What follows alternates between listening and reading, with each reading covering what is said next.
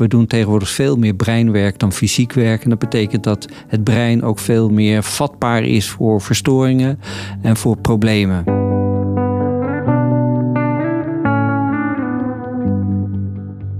Stress is een raar fenomeen. Kijk, als je verkouden bent, dan is je slijmvlies geïrriteerd. En kun je makkelijk een oorzaak aanwijzen, een virus. Maar met stress is het toch wat anders.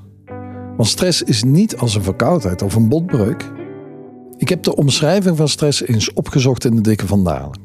Daar staat de volgende omschrijving: aanhoudende geestelijke druk, oftewel spanning. Maar wat het veroorzaakt, dat is lastig in een paar woorden te pakken. Dat is per persoon verschillend. Bij de een zorgt de gedachte van een grote stapel werk voor stress, terwijl het bij de ander juist een leeg bureau is. In mijn werk ben ik al jaren met het onderwerp stress en mentale veerkracht bezig. Ik doe er onderzoek naar en geef zowel management als teams workshops voor het vergroten van je mentale veerkracht. Stress is een onderwerp dat ons allemaal aangaat. Ik durf haast te zeggen zonder uitzondering. Of ik nu een workshop geef aan medewerkers van een gemeentewerf, docenten op een school of managers in de board van een internationaal bedrijf, we hebben er allemaal mee te maken. Het is een onderwerp dat dichtbij komt, ook bij mezelf. Een aantal jaar geleden heb ik zelf veel stressklachten gehad. Ik maakte de vergissing dat ik alleen nog maar dingen deed die moesten gebeuren en dat ik mijn eigen ontspanning uit het oog verloren was. Een heel kenmerkende anekdote was dat in die tijd mijn vrouw voorstelde om op zondag een lange boswandeling met de kinderen te maken, zodat ik mijn hoofd wat leeg kon maken. Ik zei toen: Dat is een goed idee. Neem jij de kinderen mee? Dan kan ik thuis mooi dat rapport rustig afmaken.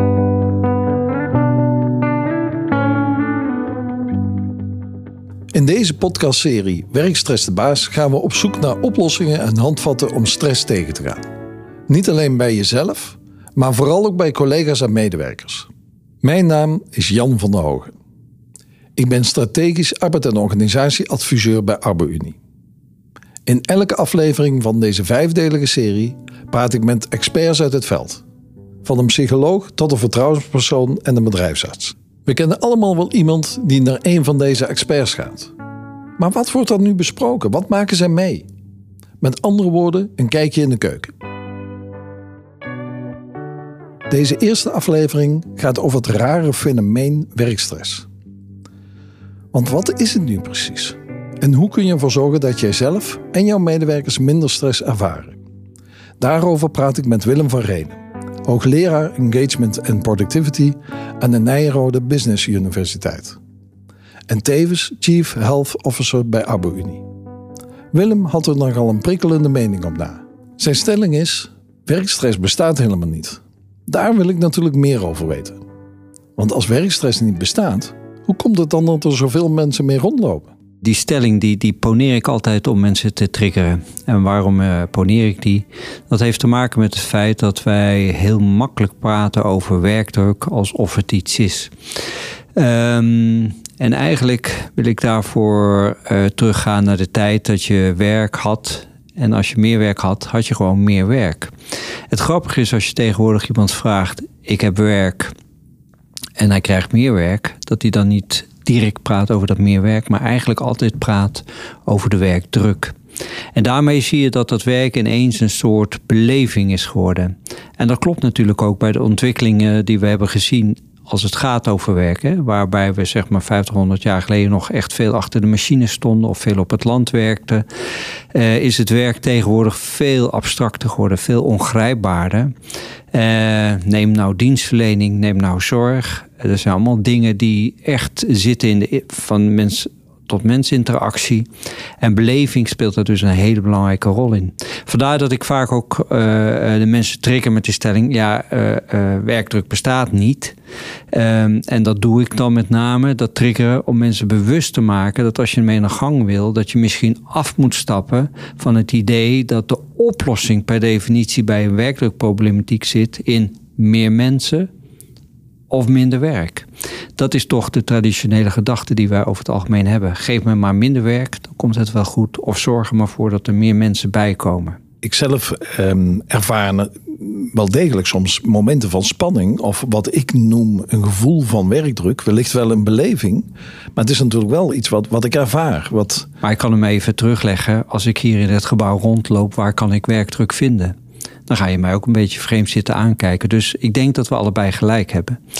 En uh, natuurlijk zie ik de gevolgen van die werkdrukbeleving, die zie ik wel. En uh, we zien natuurlijk heel veel mensen die overspannen raken. We weten dat inmiddels 16% en bij jongeren toch al 20% uh, met burn-out rondlopen. Dat zijn natuurlijk toch gevolgen van iets wat zich in dat werk aan het voltrekken is. Um, maar nogmaals, die beleving die accentueer ik omdat ook de aanpak van werkstress eigenlijk anders moet dan we traditioneel denken. Maar wat is dan de, de aanpak die um, uh, effectief is volgens je? Want als het niet zit in het uh, meer, direct meer mensen of minder werk, hoe kun je dan wel beter met uh, de druk omgaan die je ervaart, die je beleeft? Nou, dat is heel goed dat je dat uh, aangeeft. En misschien is het leuk om een anekdote te vertellen van een groot uh, bedrijf waarbij de mensen staakten vanwege werkdruk, waarbij ik gevraagd werd om te adviseren. Um, en toen ben ik inderdaad naar de directie gegaan en gezegd: Oké, uh, jullie vragen hier een goed advies over. Over hoe ga je nou om met die werkdruk. En toen gaf ik ook eigenlijk als voorbeeld van: Nou ja, zorg ervoor dat mensen minder werk hebben. En zorg ervoor dat, de mensen, dat je meer mensen hebt. Dan heb je het hele gezeur niet meer. En toen keken ze me aan van dat kunt u niet menen. En zeg ik, nou ja, dat meen ik in principe ook niet. Maar dit is wel de reflex die wij over het algemeen hebben. Ik zeg maar, uh, als jullie heel veel werk hebben en uh, het is bijvoorbeeld heel gezellig.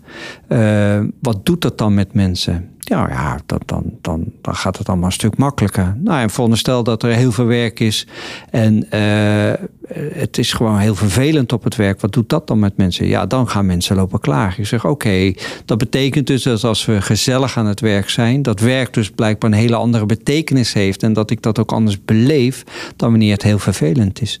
En ik gaf dan ook het voorbeeld van, nou ja, als je tien dossiers hebt en je geeft dat aan een collega en die zegt, nou, succes ermee, over een uurtje moet het af zijn. Ja, dat wordt over het algemeen anders beleefd dan dat je zegt, hé hey, collega, we hebben net tien uh, dossiers binnengekregen. Zullen we proberen dat binnen een uurtje op te lossen? Situatie 2 voelt totaal anders dan situatie 1. In beide gevallen is het stapeltje werk even groot. In beide gevallen heb je maar met één werknemer te maken. Dus dit is wat ik bedoel met de beleving van werkdruk. Want de werkdruk ontstaat op het moment dat iemand zich alleen gelaten voelt met dat werk. Hij voelt niet meer de verbinding met die leidinggevende. Uh, en denkt, ja, die zadelt mij nu op met dat werk. Tja, het klinkt logisch, minder werk of meer mensen. Maar zo logisch is het dus niet. Want de druk en de stress worden er niet minder om. Het gaat volgens Willem over de beleving van werk. Maar ja, laten we eerlijk zijn. 100 jaar geleden waren de werkomstandigheden beduidend slechter dan nu. En dan drukken we nog zachtjes uit.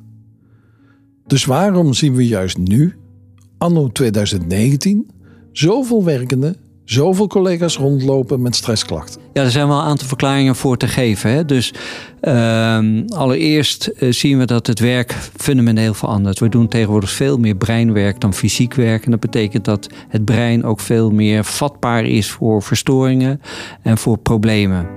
Dat is dus echt een fundamentele verandering. Het tweede wat je ziet, dat in dat werk, wat wij dan noemen basale behoeften die de mens nodig heeft, aan het verschralen zijn.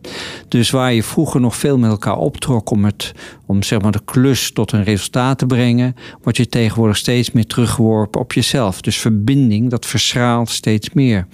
Uh, een tweede hele belangrijke behoefte die mensen hebben is autonomie. Ook dat is aan het verschralen. Ik uh, sprak uh, pas geleden nog een monteur. die moest bij ons de ketel checken. Uh, en die vertelde zo en passant dat hij uh, in zijn auto voortdurend in de gaten gehouden werd waar hij op dat moment is. Dus hij heeft wel de vrijheid, mag zijn werk alleen doen, maar hij wordt via zijn TomTom exact in de gaten gehouden hoe laat hij bij mij is aangekomen, hoe laat hij weer weggaat en hoe snel hij weer bij de volgende is. Nou, dat gevoel van autonomie komt daarmee gelijk onder druk te staan, hoewel het een basale behoefte is. Onze basale behoeftes zijn dus aan het verschalen, zegt Willem. Hij noemt er al twee verbinding en autonomie. Als daaraan getornd wordt, dan is de kans groot dat er stress ontstaat. Maar is er nog een derde basale behoefte? En de laatste basale behoefte is bijvoorbeeld ontwikkeling, opleiding, uh, competence noemen we dat. Hè? Ben je competent, competent om te doen wat er van je gevraagd wordt? Ja, dat zie je ook wel onder druk komen te staan, omdat de ontwikkelingen op dit moment zo snel gaan dat, nou, dat zien we bij leerlingen al, dat als ze van school afkomen, eigenlijk alweer verouderde kennis hebben. Laat staan als je in het arbeidsproces zit, hoe hou je je kennis bij? Dus dat geeft wel aanleiding tot zeg maar verstraling, wat ik noem van de resources. En de derde belangrijke factor die tegenwoordig uh, steeds meer uh, om zich heen grijpt, is hoe wij naar functies kijken. Hè? Dus uh, waren er vroeger nog uh, functies waar je ja, toch met respect en waardering uh, behandeld werd. zie je die functies in discrediet komen. Hè? Dus als je bij de overheid werkt, je bent zorgverlener, hè? dus bijvoorbeeld politieagent of je zit bij de brandweer. Ja, tegenwoordig wordt er niet gezegd fantastisch dat je gedaan hebt, maar je wordt eerder in elkaar geslagen. je ziet in de verpleging dat dat een ondankbaar beroep is geworden. Dat uh, eigenlijk uh, wordt gezegd, nou doe alleen maar je klus en verder uh, hoef je nergens mee te bemoeien. In het onderwijs zie je al dat ouders geen respect meer hebben voor de leerkrachten, maar juist lopen te zeuren over het feit dat hun kind eigenlijk niet zo goed mee kan komen. Kortom, je ziet dus ook dat er in die functies, die ook breed neergezet worden in Nederland, dat die echt onder druk komen te staan door disrespect en minder waardering. En waardering is natuurlijk toch iets, als je het hebt over verbinding, als een basale behoefte, wat je echt moet terugkrijgen in je werk. Werkstress ontstaat dus als we in onze basale behoeftes worden beperkt. Maar er is ook een tweede aspect dat we niet uit het oog moeten verliezen, namelijk onze energiebalans. Dat klinkt misschien een beetje abstract, maar wat ik daarmee bedoel is dat mensen zich niet meer kunnen opladen voor het werk. Alles kost te veel kracht, te veel energie. Vaak denken mensen dat een burn-out ontstaat doordat je te veel tijd en energie in je werk stopt. Maar volgens onze hoogleraar Engagement and Productivity is het juist omgekeerd. We krijgen er juist te weinig energie bij. Veronderstel, we hebben de hele dag uh, heel druk lopen bellen. Uh, eind van de dag is de telefoon leeg. En dan denk je, verrek, wat is er nou mee aan de hand? Nou, dan ga je over het algemeen met zo'n ding ga je naar de dokter toe. En dan zeg je, nou dokter, mijn telefoon doet het niet meer. Dan krijg je meestal van de medicus als eerste het advies van nou, als ik u was, zou ik even rustig aandoen, leg hem even lekker weg, dan komt het vanzelf weer goed. Nou, dat doe je dan ook trouw, want je luistert naar de dokter, je legt je telefoon uh, netjes in bed neer, je doet er een dekentje over, een kussentje onder en je kijkt er af en toe eens naar. En drie dagen later denk je, nou, ik ga toch eens kijken of die alweer uh, beter is geworden. Je pakt die telefoon op en je denkt, hé, hey, hij doet het nog steeds niet. Dus terug naar de huisarts. De huisarts zegt, nou, dat snap ik ook niet. Ik ga hem verder openleggen. En voordat je het ergens hebt, ligt dat hele telefoontje uit elkaar. Zijn er foto's van gemaakt? Is die naar hier en daar naar verwezen? Hij komt uiteindelijk terug. En wat is dan het advies? Ja, we weten ook niet precies wat er aan de hand is. Leer er maar mee leven. Dat is vaak het gevolg van een, een, een, een telefoontje die het niet meer doet. En dan vraag ik meestal een gemiddelde, uh, uh, maakt niet uit wie, uh, die zo'n telefoontje heeft. Maar u weet natuurlijk wel wat u hier had moeten doen. Ja, zegt dan iedereen. Ik had gewoon het telefoontje moeten opladen. En ik zeg, nou precies. En dat noemen wij in een mooi model het Job Demands Resources model. Waarbij wij zeggen, ja, op het moment dat er niet opgeladen wordt ja, gaat dat ding nooit lopen? Gaat dat ding niet werken? Nou, dat, die metafoor kun je dus heel goed gebruiken voor de mens. Als de mens zich niet oplaadt, zal die uiteindelijk nooit goed gaan functioneren. Opladen is dus essentieel. Dan zit je zelf in de rol van Chief Health Officer bij Abu Uni, de leidsman op kwaliteit en inhoud van deze organisatie. Je begeeft je dus op het strategisch niveau van een organisatie. Wat kunnen organisaties op dat strategische niveau doen met dit onderwerp? Heb je een gedachte over wat is een, een goede insteek om hiermee effectief aan de slag te gaan? Ja, mijn stoppaardje is altijd let 1 goed op leiderschap. Let 2 op goed de visie en, en, en, en, en missie die je als organisatie hebt. En let 3 goed op de resources.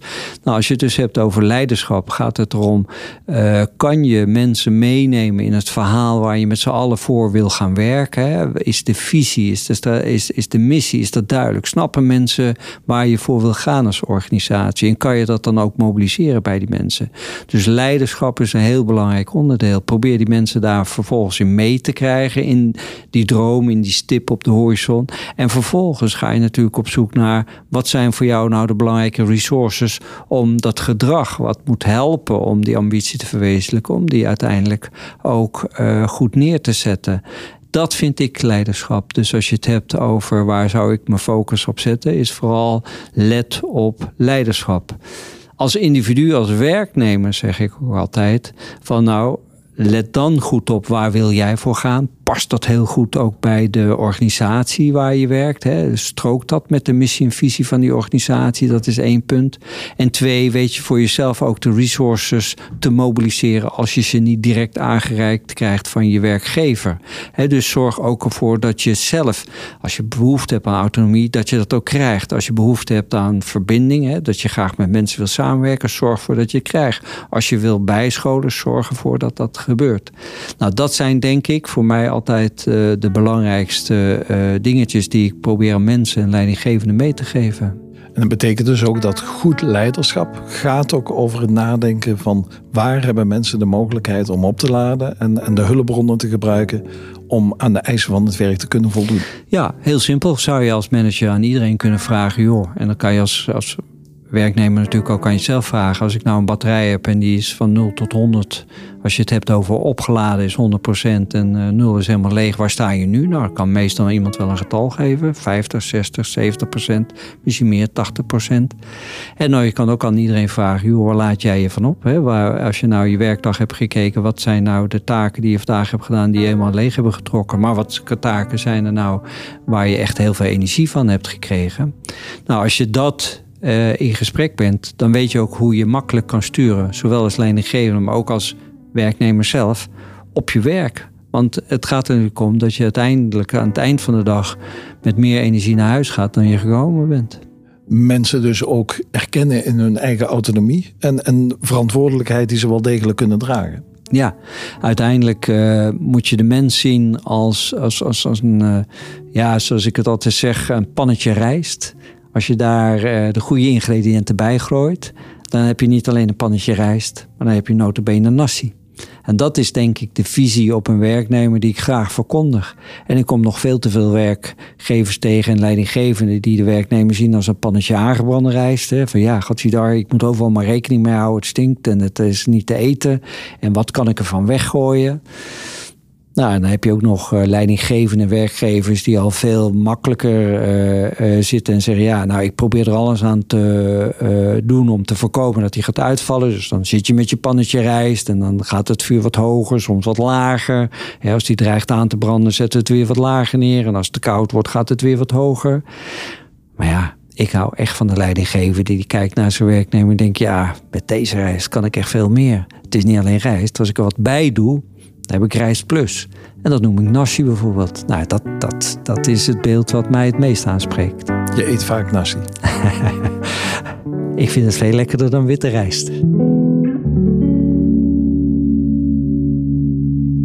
Verbinding, autonomie en competenties zijn dus cruciale, sorry voor het woord, resources in het werk. Net zoals een hamer een essentieel fysiek instrument is voor een timmerman.